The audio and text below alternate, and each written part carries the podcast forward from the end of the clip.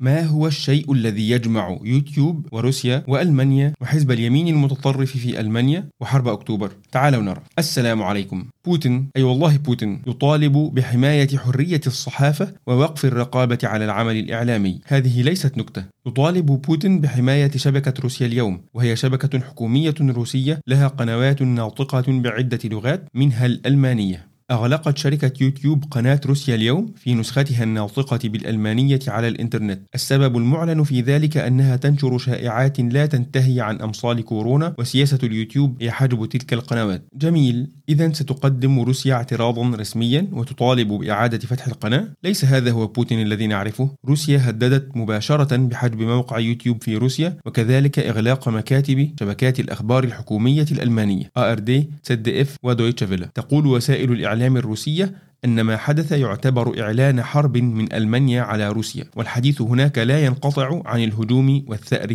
والقصاص. ولكن ما علاقة الحكومة الألمانية بالموضوع؟ يوتيوب هو من أغلق القناة. روسيا تقول أن يوتيوب فعل ذلك بضغط من الحكومة الألمانية. والحكومة الألمانية ترد رسميا بأنها لا علاقة لها من قريب أو من بعيد بالقرار وأن من يدعي هذا الادعاء واقع في نظرية المؤامرة. أما يوتيوب فيقول أن ما حدث لا يعد كونه التزاما بمعايير الشركة في إغلاق القنوات التي تنشر أخبارا كاذبة عن كورونا. وشبكة روسيا اليوم بالألمانية تحديدا متهمة من اليوم الأول لوباء كورونا أنها تنشر الكثير من الأكاذيب حول الوباء. ولكن لماذا يمكن أن تتهم الحكومة الألمانية بأنها تضغط لإغلاق قناة روسية تعمل في أراضيها؟ لأن شبكة روسيا اليوم متهمة رسميا بأنها شبكة لنشر الأخبار المضللة والشائعات بغرض الإضرار المتعمد. جميل. حتى الآن فهمنا أن روسيا غاضبة لإغلاق قناة حكومية على شبكة اليوتيوب وتدعي أن الحكومة الألمانية وراء هذا الإغلاق. ولكن هل قرر بوتين اليوم فقط الضغط لإغلاق مكاتب القنوات الألمانية في روسيا وكذلك إغلاق يوتيوب هناك؟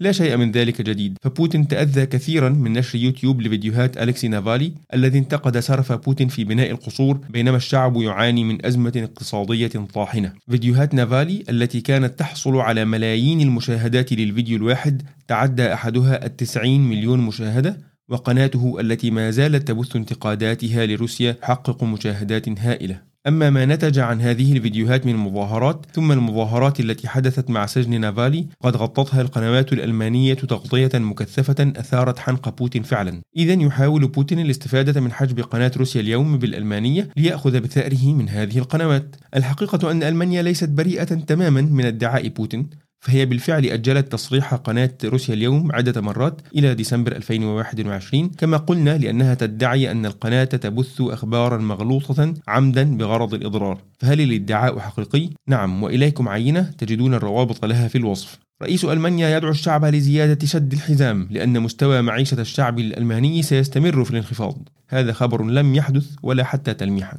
خبير الصحة من حزب SPD يريد منع جميع الألعاب التي تجري في غرف مغلقة. هذا كذب محض.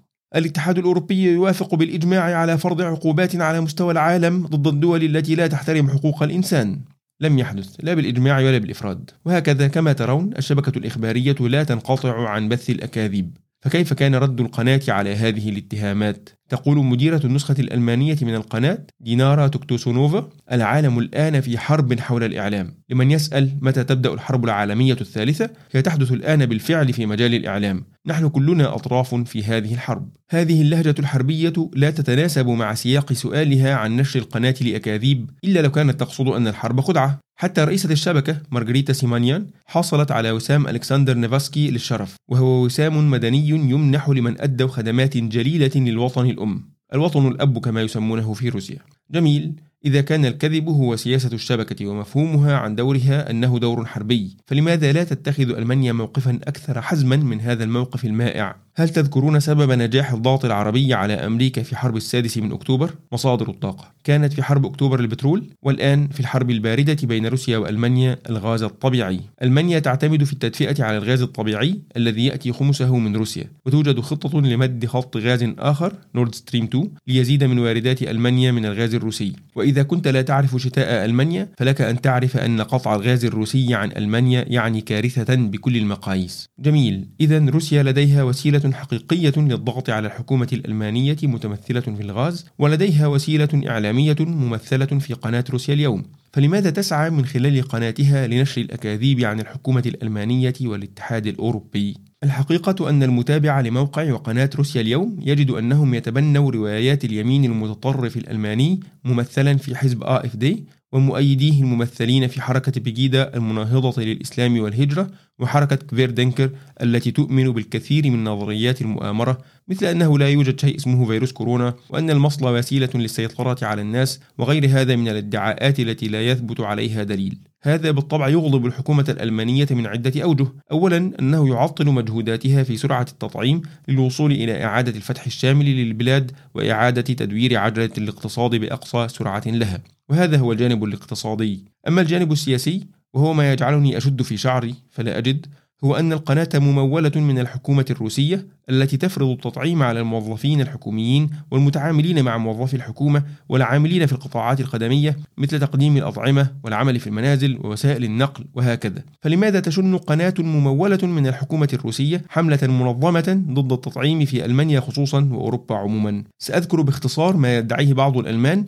وأدعك أنت تفكر فيه. روسيا تحتاج إلى تمديد نفوذها في أوروبا وخاصة في دول شرق أوروبا التي كانت أصلا تابعة للاتحاد السوفيتي ومن بعده في حلف وارسو ثم سقط الاتحاد السوفيتي وانسحبت هذه الدول من حلف وارسو وانضمت للاتحاد الأوروبي كلها إلا أوكرانيا وبيلاروسيا ثم انضمت لحلف الناتو كذلك. الحل الوحيد للخروج من العزلة الروسية والشعور المستمر بالتهديد من أوروبا والناتو هو تفكيك الاتحاد الأوروبي وخلق عداوات بين بلاده. وإذا تساءلت لماذا تشعر روسيا بالتهديد من الوحدة الأوروبية يمكنك قراءة كتاب Prisoners of Geography فمن هي تلك الأحزاب التي تريد تفكيك الاتحاد الأوروبي؟ أحزاب اليمين المتطرف تجدها في ألمانيا ممثلة في AFD والقناة تدعم روايات اليمين المتطرف كلها بلا استثناء. هل في رأيك تستخدم روسيا شبكتها الإعلامية لتفكيك الاتحاد الأوروبي من خلال تقوية أحزاب اليمين المتطرف؟ هذا على الأقل هو ما يؤمن به أنصار نظرية المؤامرة في ألمانيا. وقد يكون صحيحا أو مجرد التقاء مصالح على سبيل الصدفة ولكن الصحيح قطعا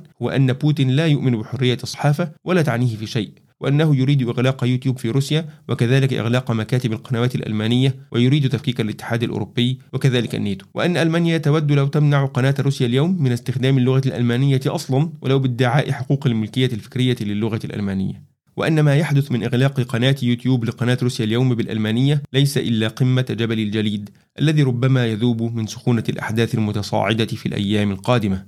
والسلام عليكم ورحمة الله وبركاته.